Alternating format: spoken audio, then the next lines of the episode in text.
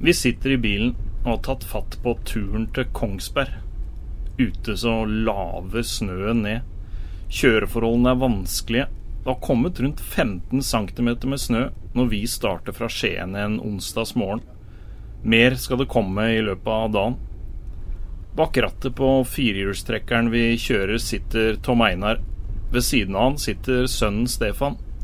I baksetet så sitter vi, altså Juni og Erik. Det går sakte ut av Skien, over Siljan og opp Lågendalen mot Kongsberg. Men vi kommer oss framover. Det er Heimevernet som har invitert Tom Einar og sønnen til militærleiren på Kongsberg. Verken Tom Einar eller Stefan vet helt hva de har i vente, men at det ligger en slags eh, anerkjennelse av Einar Rasmussen sin innsats for Norge under krigen, det vet de. Det varmer både for sønnen og barnebarnet. Vi skal komme tilbake til besøket på Kongsberg, men før vi kommer dit, så har vi én historie til å fortelle. Historien om det mystiske dødsfallet til Einar Rasmussen. Du har hørt litt, men nå skal du få høre mer.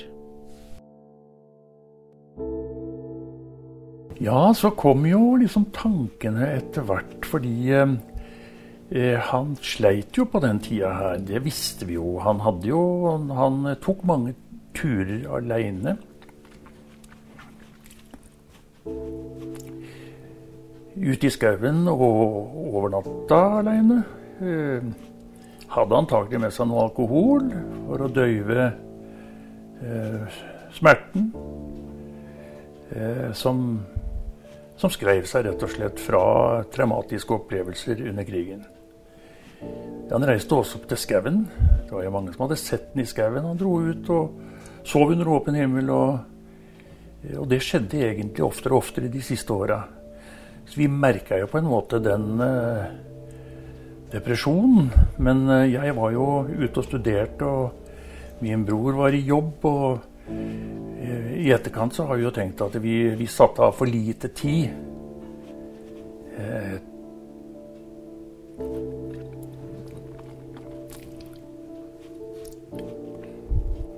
jeg tror han hadde trengt det, og han hadde behov for det.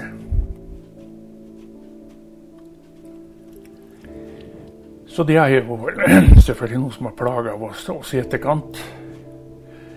Eh, og det plaga nok min bror. Han, han tok, tok, sitt eget liv i, for ti år siden. Og eh, vi snakka jo mye om det her, og det er klart det, han hadde nok det Dessverre kanskje i bakhuet litt traumatiserte opplevelser i forbindelse med kanskje å føle skyld for at vi ikke tok oss godt, godt nok av pappaen vår. Dessverre. Du hører på Thea Dokumentar, en podkast av Telemarksavisa laget av Erik Edvardsen. Og Juni Vendelin Fasting. Dette er den ukjente helten, episode tre av tre. Podkastserien Den ukjente helten startet med et mystisk dødsfall. Einar Rasmussen ble funnet liggende i en 15 fots plastjolle i november i 1975. Båten drev ved land i nærheten av Buholmen ved Oterøy og Gomøy midt mellom Kragerø og Jomfruland. Hva som skjedde, og hva som forårsaket dødsfallet, har familien aldri fått svar på. Men ryktene, de er mange. Det var vanskelig å få svar på når Einar Rasmussen faktisk døde. Familien har hørt både at han døde i båten, at han døde etter at han kom til land, at han døde i ambulansen på vei til sykehuset, og de har også hørt at han døde på sykehuset. Hva var riktig? Hva som var den faktiske dødsårsaken, vet familien heller ikke. Døde han av naturlige årsaker, eller ble han drept? Telefonsamtalen med Milorg-lederen Kjell Ståhl Eggen, som Tom fikk noen dager etter farens død, antydet at det var nazister som kunne ha drept Einar. Det som er helt sikkert, det er at Einar Rasmussen visste mye om mange om han delte alt han visste om det som skjedde under krigen, kunne det bli ubehagelig for flere. Det er klart at det var flere som på en måte etter krigen hadde grunn kanskje til å frykte hva min far visste om de. Eh, og også det at han hadde vært eh, svært brysom da, for en del av disse eh, folka. Så det er klart, det, det var nok et ønske blant flere om å, om å iverksette et eller annet. Det, det, må vi nesten tro på. Men vi har aldri gjort noe med det, for jeg tenker at det, dette er ting som er over. Tida er gått. Det har ingen hensikt å begynne, begynne å, å rulle opp i en sånn uh, sak som det der, egentlig. Det har ikke det, mener, mener jeg. Men det er jo andre som mener noe annet. Så jeg, det var en eftermiddag at jeg ble ringt opp av, av Kjell. Eh, og, og, da var Terje i nærheten, så Terje fikk greie på det med en gang. Så vi var jo litt Altså, dette var jo sensasjonelt. Det, vi, vi ble jo litt sjokka, egentlig. Eh, selv om vi også hadde ja, jeg vet ikke om vi hadde, vi hadde vel ikke vært inne på tanken at han ble tatt livet av, men når vi, når vi hørte, altså fikk så mange forskjellige historier om hvor lenge han levde, eh, og at han hadde ei hagle med seg i båten som var lada, men var ikke, sikringen var av, men den var lada, den lå ved siden av den i båten, og at den handa som hadde gått opp og ned, og så at det var søle om bord i båten og at han hadde slagmerker i ansiktet og slagmerker på nevene. Ikke sant? På, på håndledda. Så, så, begynte jo vi Da hadde jo vi allerede tenkt litt den tanken at det kanskje var noe mystisk. Og i og med også at eh, det sto jo både Varden og Thea, tror jeg, at eh, det var mottatt signaler når han døde, eh, om at det var en i havsnød. Og at redningsskøyta hadde gått ut og alle disse kontrabeskjedene som vi fikk, så, så, ble jo dette til en slags historie som, som kunne skape litt mening, og som, som kanskje kunne vise seg å, å, å, å, være i overensstemmelse med det uh, Kjell Stålegen, uh, Kjell fortalte. Telefonsamtalen fra Kjell Stål Eggen var et tegn som bygget opp om at Einar ikke døde av naturlige årsaker. Mange år seinere skulle familien på ny få hint om det samme. Helt ut av det blå så dukker det opp et mystisk postkort i postkassen hjemme hos moren til Tom, enken etter Einar. Det som jeg også må fortelle, det er at uh, min mor 20 år etterpå fikk et postkort fra en dame, eldre dame, som sier at uh, hun visste at min far var tatt livet av. Eh, vi prøvde, vi, vi prøvde å få tak i det kortet, men hun gjemte det kortet, og sannsynligvis brant det kortet. Det også gjorde at uh, på et senere tidspunkt så ble vi jo litt oppskaka av det. Fordi at uh, det kunne jo for så vidt vært en mulighet for å nøste opp hva som egentlig hadde skjedd. Så mammaen din gjemte deg det kortet? Ja, Sannsynligvis så gjorde jeg det. fordi at uh, det, det, var faktisk Anne Linn, kona mi, som fortalte dette her. Så det kan jo ikke være så mange år siden. Men uh, min mor var veldig opprørt. Og ville ikke at dette brevet skulle ses av noen. Uh, eller den meldinga skulle bringe noen minner tilbake, tror jeg. Derfor så brant det sannsynligvis. Det har aldri kommet til rette. Men dere fikk vite om det, så hun fortalte om det når det kom? Ja, hun fortalte Anne Linn hørte, hørte hun fortalte om det. Vi har ulike dødstidspunkt. Rykter og snakk på Parkkafeen i Porsgrunn, som blir viderebrakt til Tom av Milorg-lederen Kjell Ståhl Eggen. Og så dukker det mystiske kortet, som du akkurat har hørt om, opp i postkassa hjemme hos moren. Men noen håndfaste beviser rundt Einar Rasmussens dødsfall har aldri kommet fram. Tom har naturlig nok gjort seg sine egne tanker om hva han tror skjedde med faren i november 75. Men som han selv sier, det blir spekulasjoner. Det kan være at, de, at han er invitert noe sted, og så har de skamslått den. Og så har de lagt den ut i båten og bare sendt den ut. Det, det, er, det, er, veldig rart, for han hadde sånne merker. De, de, jeg prøvde å få en forklaring på det der, men da sier de at det var veldig lett å få sånne merker når du lå, var død eller bevisstløs eller hva som helst. Men det var jo bare at han levde jo helt til Heistad, ikke sant? Sier sykebilsjåføren. At han skulle ha sånne kraftige merker på de hendene. Vi så jo når han lå i grava altså i kista.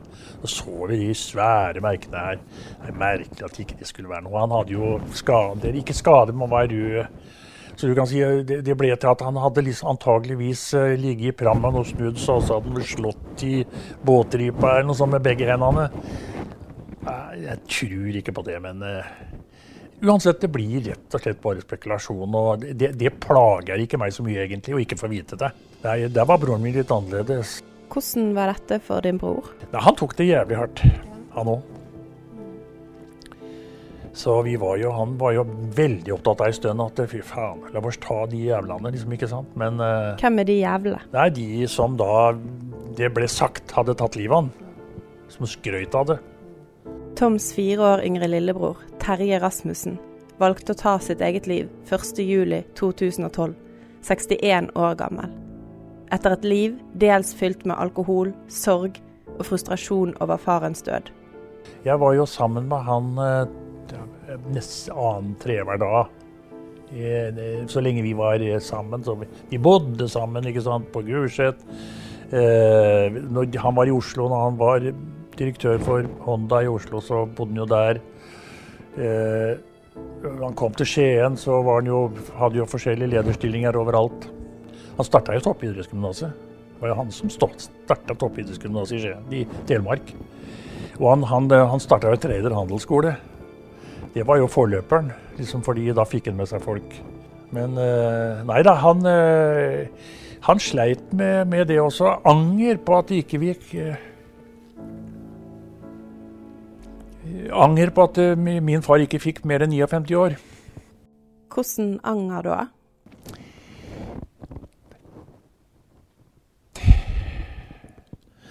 Nei, det, det, var en form for uh, at vi, vi kunne ha beskytta han litt mer. Altså, Vi følte at han blei litt for mye ensom. Og at vi hadde nok med vårt. Eh, han fortjente på en måte mer oppmerksomhet og kanskje også litt mer hjelp i den tida hvor vi så at han sleit.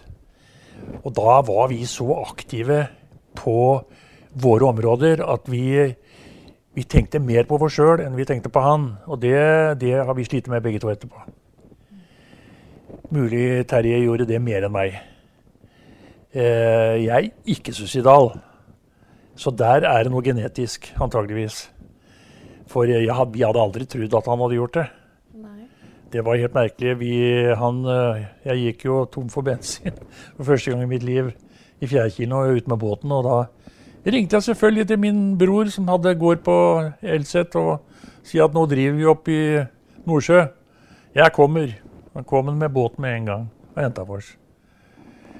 Men da, den kvelden, så hadde han tatt noe fordi han var alkoholiker, og det hadde han jo annonsert at han var og sleit med det. Men uh, han var veldig flink til å ikke vise det. Han, han gikk ut med det og sa 'jeg er alkoholiker'. Han blei det. Jørn Einar, Terjes eldste sønn, var den første som blei ringt etter når kona Barbro kom hjem fra jobb den dagen Terje tok sitt liv. Han var på den tiden lege ved TSS i Skien og reiste umiddelbart til Elset gård. Terje hadde skutt seg i tinningen med en koltpistol. Han levde, men han var hjernedød.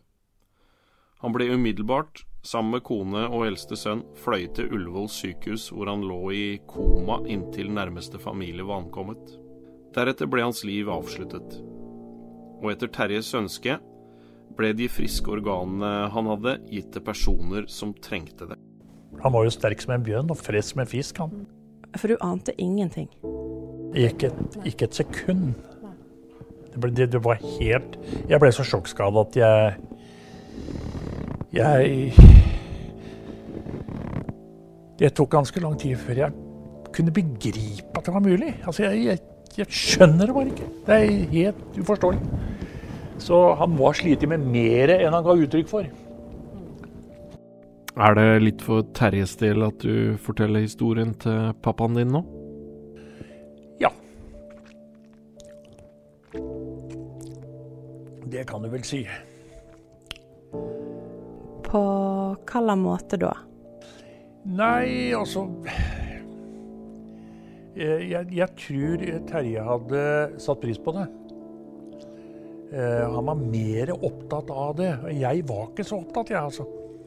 Jeg husker han, sang, han var litt irritert på meg når vi satt i det møtet med Stokobba, han fra, han fra um, Osvald-gruppa i Skien, og, og Borgersrud, han professor Borgersrud. Da når dere snakket om å skrive om det? Ja.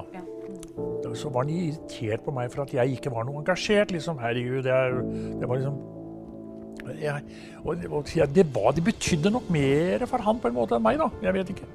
Han var litt sånn uh, forbanna på det her, at uh, det skulle være sånn. Ja, for han mente at pappaen deres fortjente anerkjennelsen? Ja, ja, helt klart. Det var jo han som på en måte også ville. Han var jo så jævlig forbanna etter at han, uh, vi fikk greie på at han var tatt av dage. At det var liksom Det var faktisk litt alvor i det, altså. Det var å bare gå og ta pistolen og gå ut og sette skudd i panna på de altså. Det, men det var sagt i en, en, en, sammenheng hvor det på en måte er, er i et sånt utbrudd eller i et, en, en, reaksjon på at det går an liksom å gjøre sånt. Så jævla nazifolk, ikke sant. Han var nok litt mer sånn enn meg litt mer sånn kategorisk, mens jeg er helt annerledes. Der er vi forskjellige. Eller ikke helt annerledes, men er veldig, jeg er veldig forskjellig på det. Jeg, jeg, jeg, tror jeg er mer lik på faren min. Altså, du må på en måte skjønne at de fleste har gode hensikter. Ikke sant? Du kan ha ulike meninger om ting, men du må, du må vite at folk har og, og, mange hensikter som på en måte ikke står i stil til hverandre. De kan være ganske riktige likevel. altså. Det er bare i den settingen de blir satt i, som eh, gjør at den ene eller den andre kanskje er mer å, å foretrekke. Opp gjennom årene har det vært gjort flere forsøk på å fortelle historien til den ukjente krigshelten Einar Rasmussen. Både Tom og Terje har vært i dialog med forfattere og journalister. Men gnisten og gløden til å gjennomføre har manglet. Eller så har uheldige omstendigheter gjort at forsøkene har strandet. For Tom har det vært for sårt og vanskelig, men nå, 47 år etter farens død, har han omsider klart å samle tankene og dokumentene for å fortelle. Det gikk bedre enn jeg trodde. Jeg var egentlig vært engstelig for dette. Helt fram til morgen i natt. Hva, hva, som gjorde at du var så engstelig for det? Altså, jeg vet ikke. Jeg vet ikke. Men uh, jeg kjenner at jeg er i ferd med å ta meg inn. Jeg kunne aldri klart dette før. Men uh, det er settingen her, dere to uh, og litt meg sjøl også, at jeg må bare på en måte kunne klare å snakke om det uten å fader, bli, bli satt helt ut. Altså. Det, det, det, er veldig rart og veldig, det er veldig bra for meg. God dag. Vi har avtale med major Scott. Scott, ja. ja. Er det dere som spiser lunsj? Det stemmer. Ja, Vi har bare fått ID på dere. ID? Ja. ja. Kan få sertifikat, er det greit?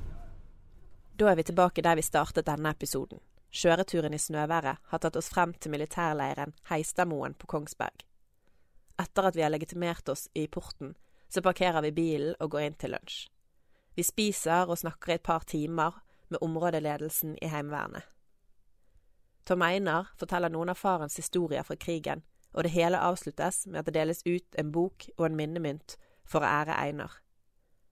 Etter seansen på Kongsberg så går vi til bilen for å sette kursen hjem til Skien. Snøværet det er på langt nær gitt seg, så det kommer til å gå sakte hjemover òg. Men det gir oss iallfall en anledning til å ta en prat med Stefan og Tom Einar i bilen på veien hjem.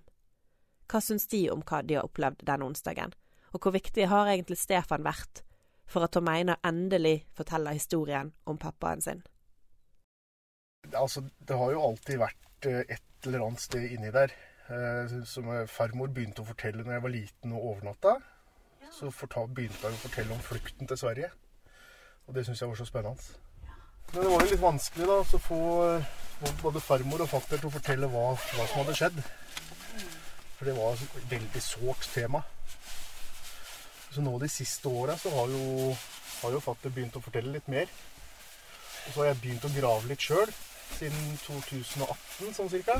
Ja, Så begynte du å spørre pappaen din litt mer om, om ting? Ja, jeg begynte å spørre litt om egentlig hva som hadde skjedd. Ja. Og så begynte han å fortelle. Og så tenkte jeg at det her, med, det her skal jeg egentlig prøve å gjøre noe med. For jeg, jeg fikk jo beskjed at det er jo det er ikke skrevet noe om det. Det, det som er skrevet, det er så lite. Ja. Så tenkte jeg at han må jeg få intervjua. Enten må jeg gjøre på lydopptak, eller om jeg filmer eller et eller annet. Bare det er et eller annet som jeg får dokumentert det. Også, Hvorfor var det viktig for deg å få gjort det? for jeg syns det er viktig at den historien kommer fram. Eh, om den innsatsen farfar gjorde, og de andre kompisene hans. Som ikke er kommet fram pga. at de var jo, var jo kommunister, og de sleit jo etter krigen. Og det var jo flere i samme situasjon rundt i landet. Men hvordan var det da når du begynte å spørre pappaen din om dette her? Jeg så det på han at han syntes det var vanskelig. Eh, Det var fort at det kom en tåre eller to. Eh, Men så tok vi en liten pause, og så snakka vi litt forsiktig mer om det, og da var det greit. Og så var har det gått litt sånn slag i slag ettertid. I ettertid. Men hva syns du da, Tom, om at eh, Stefan kom og spurte deg om dette her? Nei, si det. Jeg var litt overraska, egentlig. Eh, Jeg syns det var veldig fint. Det var utrolig hyggelig. Og eh, så, så jeg ble jo egentlig bare glad. eh, Og litt forundra. Men hvordan var det å fortelle til han, da? Nei, som han sier sjøl, så var det litt vanskelig til å begynne med. Jeg hadde ikke så lyst til å snakke om det. Og han ba jo hos meg mange ganger og, og skulle si Nei, eller sendte meg en melding. eh, Jeg tar med eh, Kan vi ta et intervju i kveld? Og jeg var Jeg var Syns ikke det var noe ålreit, så jeg fant på veldig mange unnskyldninger veldig mange ganger. Helt til jeg skjønte at ja, han er jo så interessert at hvorfor skal jeg ikke la han få lov å interessere seg mer? Og få litt kunnskap. Og da begynte jeg å fortelle litt. om gjorde det. Men jeg hadde ikke lyst til å la meg intervjue, for å si det sånn. Hvorfor ikke det, da? Nei, det har vel kanskje dere også lagt merke til i startfasen. At eh, det er litt vanskelig å snakke om for meg, fordi det berører veldig mange episoder i livet mitt som egentlig ikke har vært så veldig hyggelige. Men merket du, Stefan, at han hadde mye unnskyldninger og prøvde å vri seg litt unna? eller? Ja, jeg merka det. At eh, det passa litt dårlig i kveld. Han var litt sliten og, og sånt noe. Men eh, ja, jeg, jeg tok det som, som at eh, vi, vi tar en annen gang. Så jeg ga meg ikke. Utrolig tålmodighet også, det må jeg si. Men så er dette her som vi har vært på nå. Kan du fortelle litt om hvordan det egentlig kom i stand? Det var jo egentlig eh, Det starta jo med at jeg spurte Heimevernet om eh, de hadde noen rekvisitter jeg kunne få. Eh, Enten en vimpel som det sto Heimevernet på, eller en minnemynt eller noe sånt noe. Fordi at farfar aldri fikk den rettmessige takka for innsatsen han gjorde under krigen. Da fikk jeg beskjed om at eh, det skulle la seg ordne. Eh, jeg trengte ikke å tenke noe mer på det. Og så plutselig så fikk vi invitasjon til en eh, lunsj. Og så blei det jo utsatt et par-tre ganger. Og så Så var vi jo her i dag, da. Da fikk vi jo bok og minnemynt. Og de var jo veldig interessert i å høre, høre på hva fatter hadde å fortelle. Hvordan syns du det var, Tom? Jeg, jeg ble litt overraska, for jeg visste egentlig ikke i det hele tatt hva jeg gikk til, eller hva vi gikk til. Men jeg syns de var utrolig hyggelige og nysgjerrige, og på hva som jeg egentlig hadde å fortelle. Jeg var ikke forberedt på at jeg skulle fortelle noen ting. Jeg, jeg sa til Stefan at uh, hvis vi får en minnemynt eller noe sånt, så skal jeg holde en meget kort tale. uh, meget kort tale og takke rett og slett bare eh, leirsjefen og, og, Stefan for at de har tatt initiativet. Men når vi kom til møtet, så var det tydelig at leirsjefen var interessert i å høre hvilken historie jeg hadde å fortelle. Og da, da blei det, ble det jo fortalt eh, en del. Det gikk greit, syns jeg. Det gikk veldig bra. Hvordan syns du det var da, Steffen? Jeg syns det var uh, kjempeålreit, egentlig. Uh, jeg visste jo ikke hva vi gikk til sjøl. utenom at vi skulle få lunsj og at vi skulle få lite grann ting. Eh, men at de var så interessert i å høre, høre historien, det syns jeg var, eh, det var spennende. Det satte jeg pris på. Ja, for det virket jo som de hadde de sa vel rett ut at de hadde liksom fokus på å, å, å liksom Jeg husker ikke helt hvordan de ordla det, men å liksom trekke frem litt sånn ukjente Anerkjennelse. Ja, ja anerkjenne litt sånn ukjente ja. Mm. personer fra krigen og sånn. Hva tenker dere om det, da? Nei, Det syns jeg er kjempeflott, at Heimevernet eh, faktisk gjør det. Eh, for det er jo det er jo en del av militæret, det òg. Det er jo viktig at Heimevernet også tar eh, litt initiativ når det gjelder sånne ting. Ja, hva betyr dette for dere, det møtet som dere har vært på nå?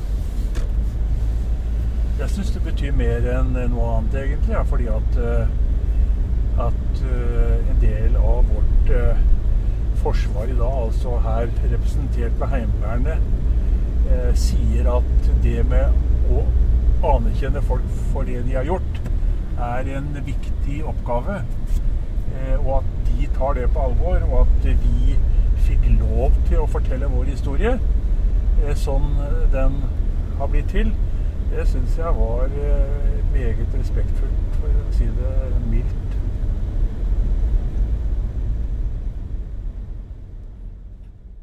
Og her slutter vår historie om den ukjente helten. Lunsjen på Kongsberg blir et foreløpig punktum. Endelig en form for anerkjennelse av den innsatsen Einar Rasmussen la ned under andre verdenskrig. Einar får ikke oppleve det selv, Heller ikke Toms bror Terje. Men for Tom og Stefan så kjennes det godt. Og nå som Tom har blitt litt mer komfortabel med å fortelle, er det ikke sikkert at det slutter her med denne podkasten. Kanskje blir det noe av den boka?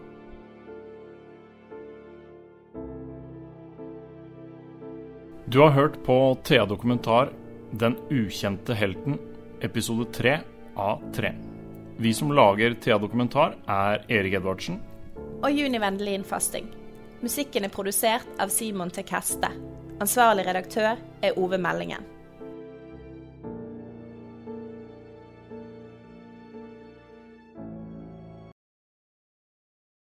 Har du et enkeltpersonforetak eller en liten bedrift? Da er du sikkert lei av å høre meg snakke om hvor enkelt det er med kvitteringer og bilag i fiken, så vi eh, gir oss her, vi.